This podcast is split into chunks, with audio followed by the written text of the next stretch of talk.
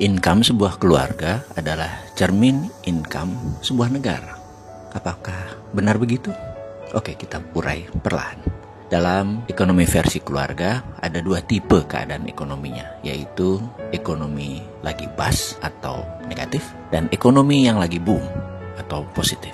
Kalau ada sebuah keluarga misalnya, sumber pemasukannya hanya dari suami yang bekerja sebagai pegawai, mempunyai banyak hutang di warung, rumah masih ngontrak, maka keluarga itu punya masalah keuangan atau disebut ekonomiknya bas. Ditambah lagi mereka yang mengkredit rumah yang belum lunas dan pendapatannya hanya bergantung dari kantoran tadi. Nekat ngambil kredit mobil, menambah kredit mereka. Sebentar lagi pasti jebol itu perekonomian keluarga tersebut. Bahkan bukan sekedar jebol perekonomian, bisa bubar hubungan pernikahan mereka. Percaya deh. Karena bakal ada kata-kata yang mereka katakan jatuh cinta pakai perasaan tapi mempertahankannya pakai penghasilan. Karena penghasilan yang nggak ada, bagaimana bisa mempertahankan cinta? Bubarlah keluarga tersebut. Itu kalau ekonominya lagi bas. Teori klasik dalam bangun ekonomi rumah tangga untuk keluar dari ekonomi bas adalah dengan menambah cash flow atau uang masuk. Kalau suaminya bekerja, maka bagaimana sekarang istrinya membantu income keluarga tersebut misalnya menjadi broker properti atau jual tanah. Hal ini membuat satu rumah tangga tersebut punya peluang dua macam pendapatan.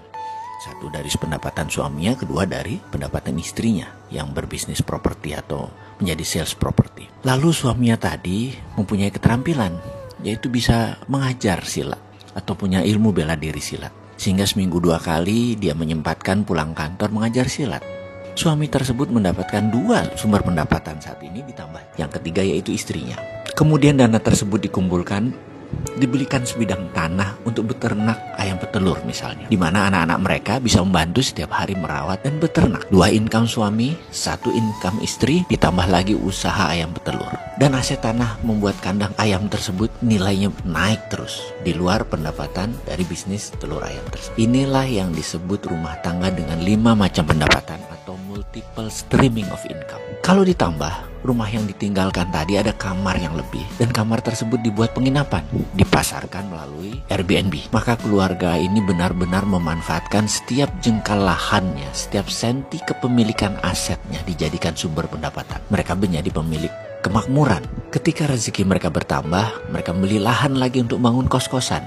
Bulanannya, aset tanah tersebut membuat pendapatannya dua dari satu aset. Satu dari nilai bangunan, dua dari pendapatan kos-kosan. Keluarga ini dalam keadaan multiple income dan mereka bisa dikategorikan lagi boom ekonominya. Pada saat lagi boom tersebutlah baru mereka membangun proyek jangka panjang.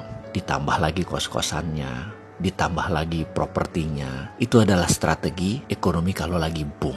Janganlah coba mengembangkan bisnis atau usaha selagi ekonomi bas nggak akan pernah bisa terbayar balik. Bahkan kalau anggaran pendapatannya tersebut kurang dan belanjanya lebih, sisanya masih mengenyij, apa masih harus berhutang, nggak akan pernah bisa selesai masalah tadi jika tidak keluar dengan menciptakan multiple streaming of income. Itulah solusi jika kita dalam keadaan ekonomi bas. Sekarang kita tanya, Indonesia ini ekonominya lagi boom atau lagi bas?